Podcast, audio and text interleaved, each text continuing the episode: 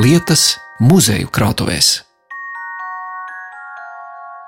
Lūk, un mēs tūlītās ar skaņu vērsim durvis, aiz kurām glabājas eh, daļa no mūsu glezniecības kolekcijas. Un viena no būtiskām lietām, ko mēs uzsveram, ir tas, ka mums ir ļoti eh, svarīgi un nozīmīgi mūsu kolekcijā, lai būtu pārstāvēti mākslinieki, kas eh, ir dzimuši Daugopilī.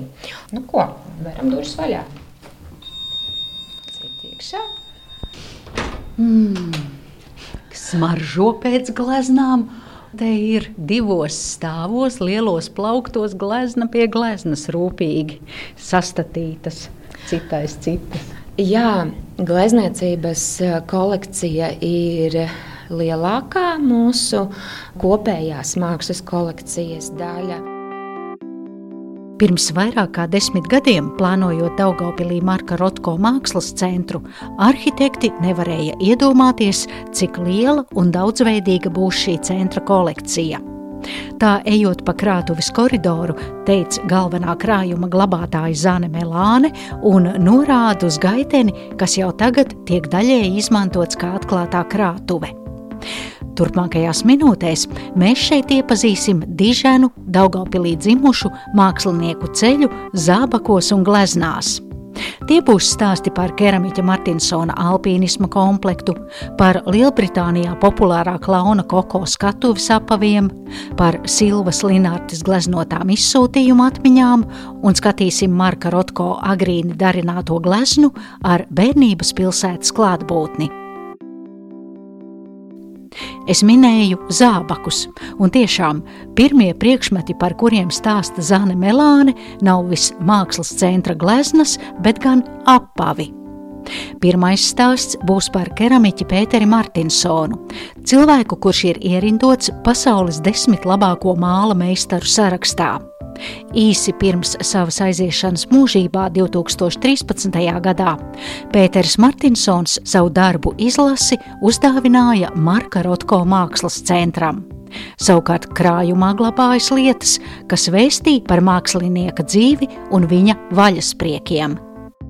Kopš šī gada aprīļa mēs atklājām Pētera Martinsona māju, un Pētera Martinsona radošais mantojums ir aizceļojis uz Martinsona māju, bet šī telpa glabā Pētera Martinsona arhīvu un līdzās mākslinieka piezīmēm, skicēm, būrnīcām, viņa dokumentiem, atsevišķiem godarakstiem, ir arī viņa personīgās lietas un arī liecības, kas liecina par vienu no viņa lielākajām sirdslietām, tas bija alpīnisms. Un šeit mūsu kolekcijā ir Pētera Martinsona alpīnista zābaki, dzelksnes, kas ir šis priekšmets no metāla un koka, ar ko tad tika lausts ledus, kāpjot kalnos. Tādas ledus cērte vai cietnes. Jā, jā, jo ar alpīnismu tiešām Bedris Martinsons sāka aizrauties jau pēc studijām Latvijas universitātē, aptuveni 58. gadā. Un šī aizraušanās lielā mērā sekmēja viņa pievēršanos keramikai, jo pēc studijām viņš tika nosūtīts strādāt uz Iestādi, kas bija tieši paredzēta arhitektiem, jo viņa izglītība bija tieši arhitekts, bet uh, alpīnismam atkal vajadzēja to brīvo laiku. Un nejauši jaušā tikšanās un piedāvājums strādāt Rīgas Latvijas mākslas vidusskolā Pēterim nāca kā tāds prieks un atklājums, jo, kā zinām, skolotājiem ir brīvas vasaras, un tad viņš arī varēja doties savos ceļojumos kalnos, bet tieši Rīgas Latvijas mākslas vidusskolā kolēģu ierosināts. Viņš devās uz keramikas darbnīcām, kur arī darbojās ar mālu. Tas eh, aizvien vairāk kļuva par viņa sirdslietu. Un līdz ar to droši var teikt, ka brīvās vasaras kalni un alpīnisms ir tas, kas palīdzēja Petram Martinsonam nonākt pie šīs mīlestības pret mālu. Nu, viens, ko es varu teikt, vismaz pret māliem, un ar māliem es esmu bijis godīgs. Vai māls jūt, ja kāds ir negodīgs? Jā, māls ir ļoti jūtīgs materiāls, un tam vajag nepārtraukt uzmanību. Un, ja šīs uzmanības nav, ja jūs neesat pietiekami bieži aprūpējis, apgrozījis, apsedzis, paskatījies, tad māls atriebjās. Mēdz plaisāt, glazūru lec nost. Mēdz plaisāt, jā, mēdz saplīst. Vai nu tādā žūšanas procesā, vai ceplī, viņam ir atmiņa. Un māls ļoti greizsirdīgs materiāls. Tā 2011. gadā radio raidījumā Talanti un pielūdzēji stāstīja Pēters Martinsons. Tajā pašā raidījumā režisore Māra Čimele par keramiķi teica šādus vārdus. Pēteris nav sautīgs, viņš negrib paņemt sev, savai lietošanai, savai vajadzībai. Viņš nenoskata visu to skaistāko, lai to dabūtu sev. Un šis sakāmais lieliski raksturo nākamo stāstu par keramiķa alpīnistu zābakiem. Šie ir speciālie alpīnisma zābaki, kurus arī aktīvi izmantoja Pēters Martinsons, dodoties kalnos. Šeit mēs redzam, ka viņi ir pielāgoti īpaši kāpšanai kalnos, un priekšā arī tāda īpaša zolīte ar metālu un kniedītēm, un, un arī tādi pamatīgi smagi, melni zābaki. Nu, redzam, ka te ir papildus zolīte piestiprināta klāt, lai saglabātu šo apavu, laikam tādu ilgspēju, lai viņus varētu ilgāk lietot uz tiem zābakiem skatoties, salīdzinot ar mūsdienu alpīnismu aprīkojumu, ļoti primitīvi tie zābaki ir un arī darināti kaut kur pagājušā gadsimta 60. gados vai 70. un, un ļoti ilgi valkāti raksturo Pēteru Martinsonu, kurš man šķiet sadzīvē ir bijis ļoti, ļoti pieticīgs. Jā, tieši tā jums ir taisnība. Pēters savā būtībā bija minimālists un viņam nebija svarīgas šīs ikdienas vērtības, un tāpēc es domāju, ka šie zābaki ka mēs redzam arī tiešām, ka viņi ir tādi lietoti diezgan daudz un aktīvi, un viņš varbūt nepiešķīra vērību tādām mantiskām vērtībām, bet eh, viņam bija svarīgas šīs sajūtas, ko viņš gūst eh, no ceļojumiem kalnos. Un, un galvenais, lai šie zābaki būtu ērti un funkcionāli. Tie arī atšķirās, protams, no tiem, kādus mēs redzam mūsdienās. Varētu pat teikt, nu, tādi neglīti tanki, un, un taču varēja viņš, es domāju, viņš varēja arī atļauties nopirkt labākus apavus, bet lūk, viņam tiešām nav bijis svarīgi manta Jā. Bet vieni zābaki man ir, un tie man kalpo, un es ar tiem eju. Jo galvenais, kā jūs teicāt, ir redzēt to, kas man ir apkārt. Jā, šīs sadzīviskās lietas, priekšmeti, kaut kādas materiālās vērtības bija mazāk svarīgi. Daudz svarīgāk Pēterim bija ceļot redzēt eh, dabu, satikt cilvēkus. Eh, tas ir tas, eh, par ko viņš arī daudz runāja. Un skatīt pasauli, iepazīt cilvēkus, apmainīties ar domām. Domāju, tās bija tās vērtības, kuras viņš novērtē daudz augstāk par kaut kādām tādām ikdienišķām lietām.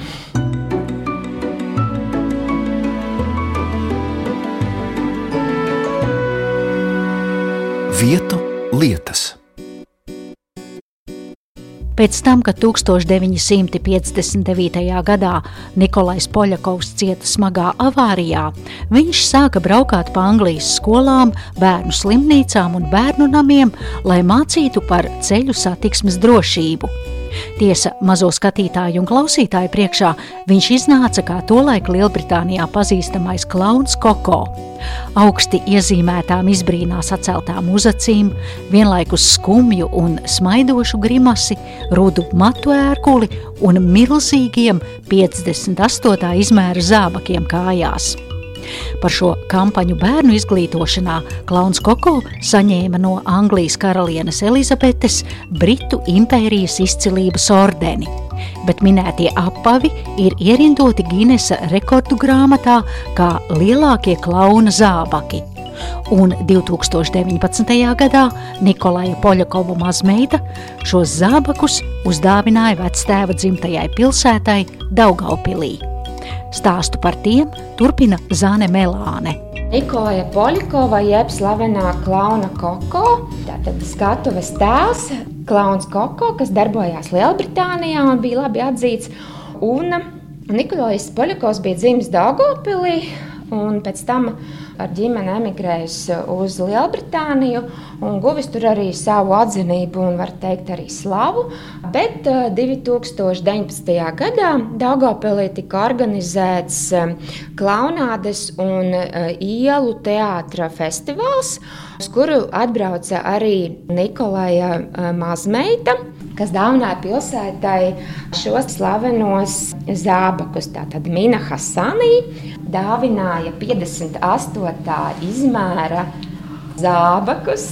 Kas ir arī pasaules Guinnessa rekordu grāmatā, un tagad glabājas Rotko centra kolekcijā. À, jūs no audekla maizes velkat sarkanus zābakus, platiem purniem, šņurzābakus tādus milzeņus es nebiju redzējis. Un viņš staigāja ar šādiem Jā. zābakiem, bet kā nu, 58. izmērs viņam iekšā tur bija kaut kāds, lai derētu viņa kājai. Jo... Īstenībā iekšā Milzīgi. ir purnos tādas liecības arī palikušas. Un, protams, ka viņa kāja nebija tik liela, bet lūk, avīzes, jā. kas šeit ir iekšā. Saņurcīti avīžu papīri.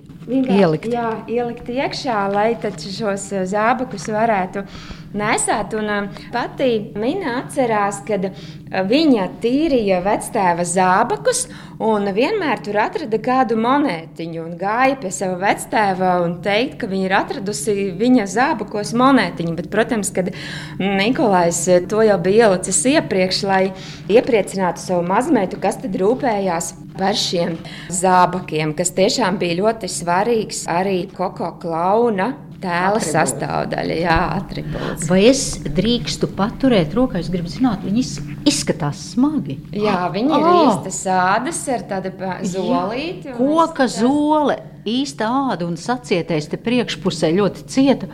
Lai gan eh, tas ir tāds eh, interesants eh, eksponāts un interesanta liecība mūsu kolekcijā, kur lielākoties ir mākslas darbi, bet es domāju, ka šie zābaki arī ir kā mākslas darbs, kā, kā, li, kā liecība, kā radošais mantojums.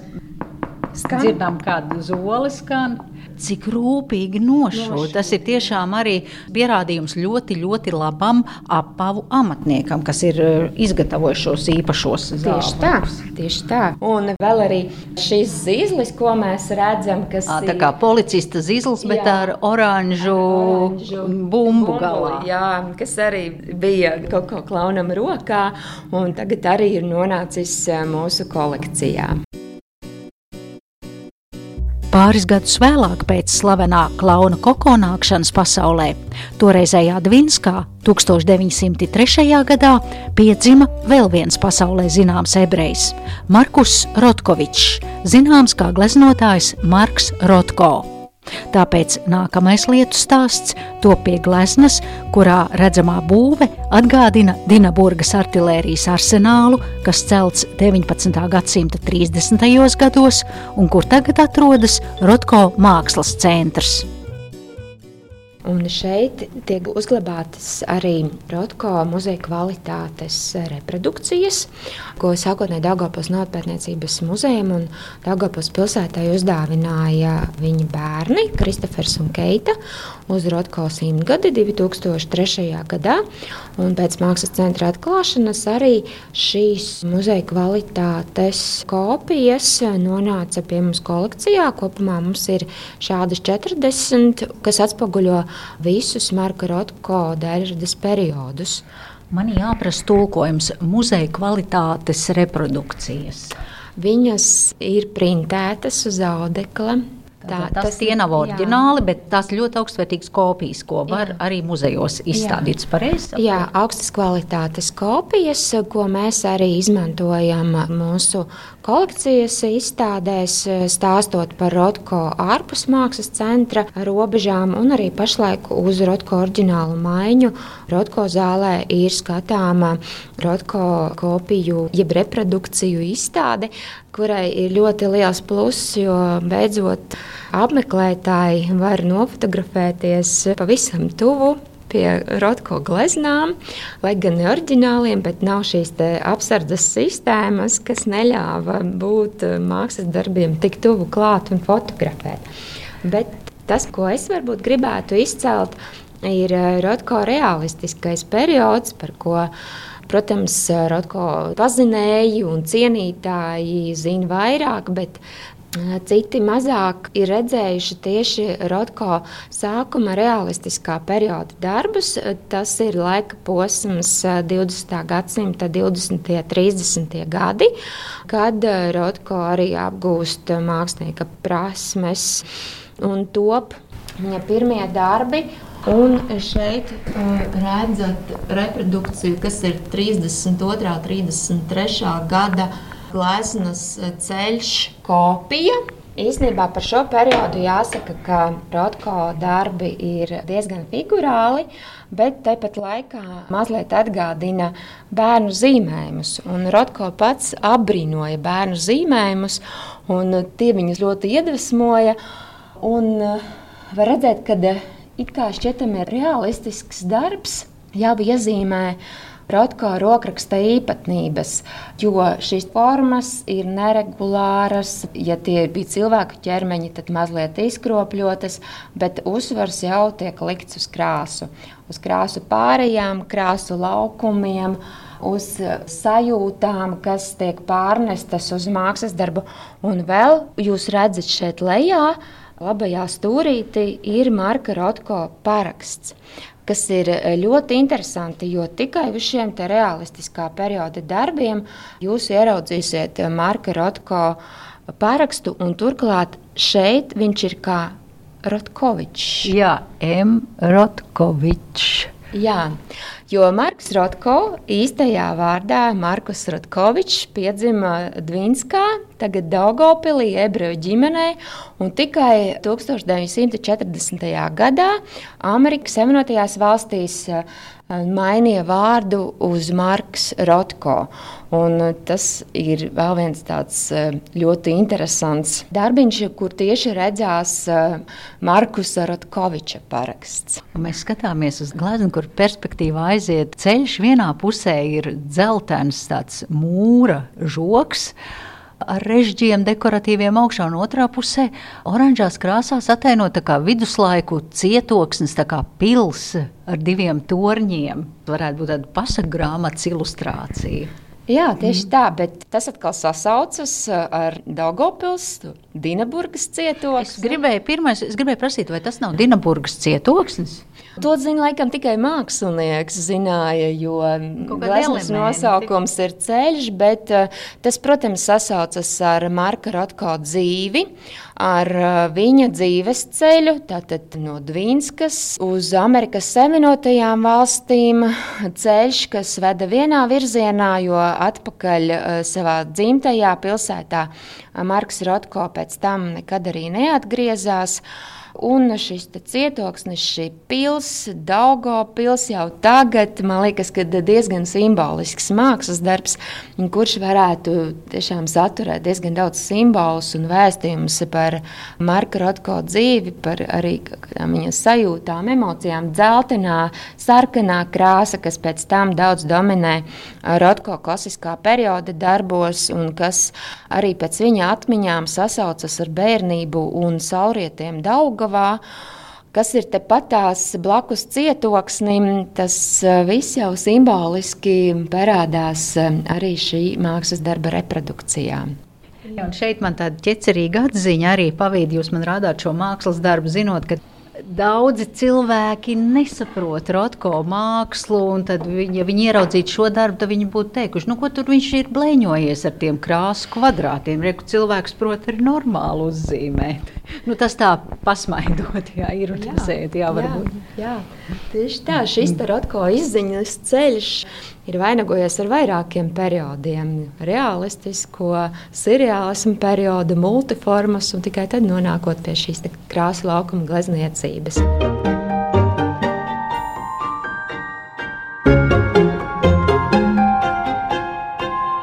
Vietu lietas. Glezna nav attēls, kurā attēlota pieredze, bet gan tā pati ir pieredze. Tā ir teicis Marks Rotko, un šo sakāmo var attiecināt uz nākamo darbu - gleznotājas Silvas Linārtes gleznu Loks Verhotinā.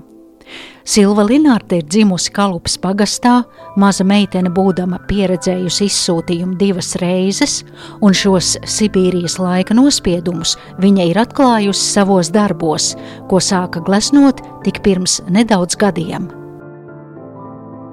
Turpinot ideju par to, ka katrs mākslinieka radītais mākslas darbs ir kaut kāds vēstījums no paša mākslinieka, Tad uh, es gribētu jums arī parādīt uh, Daugopils novadā dzimušās mākslinieces Silvas Linartes mākslas darbu ar nosaukumu Loks Verhotinā. To mēs izvilksim no, no krātuves augtiem. Darbs ir tapis 2013. gadā.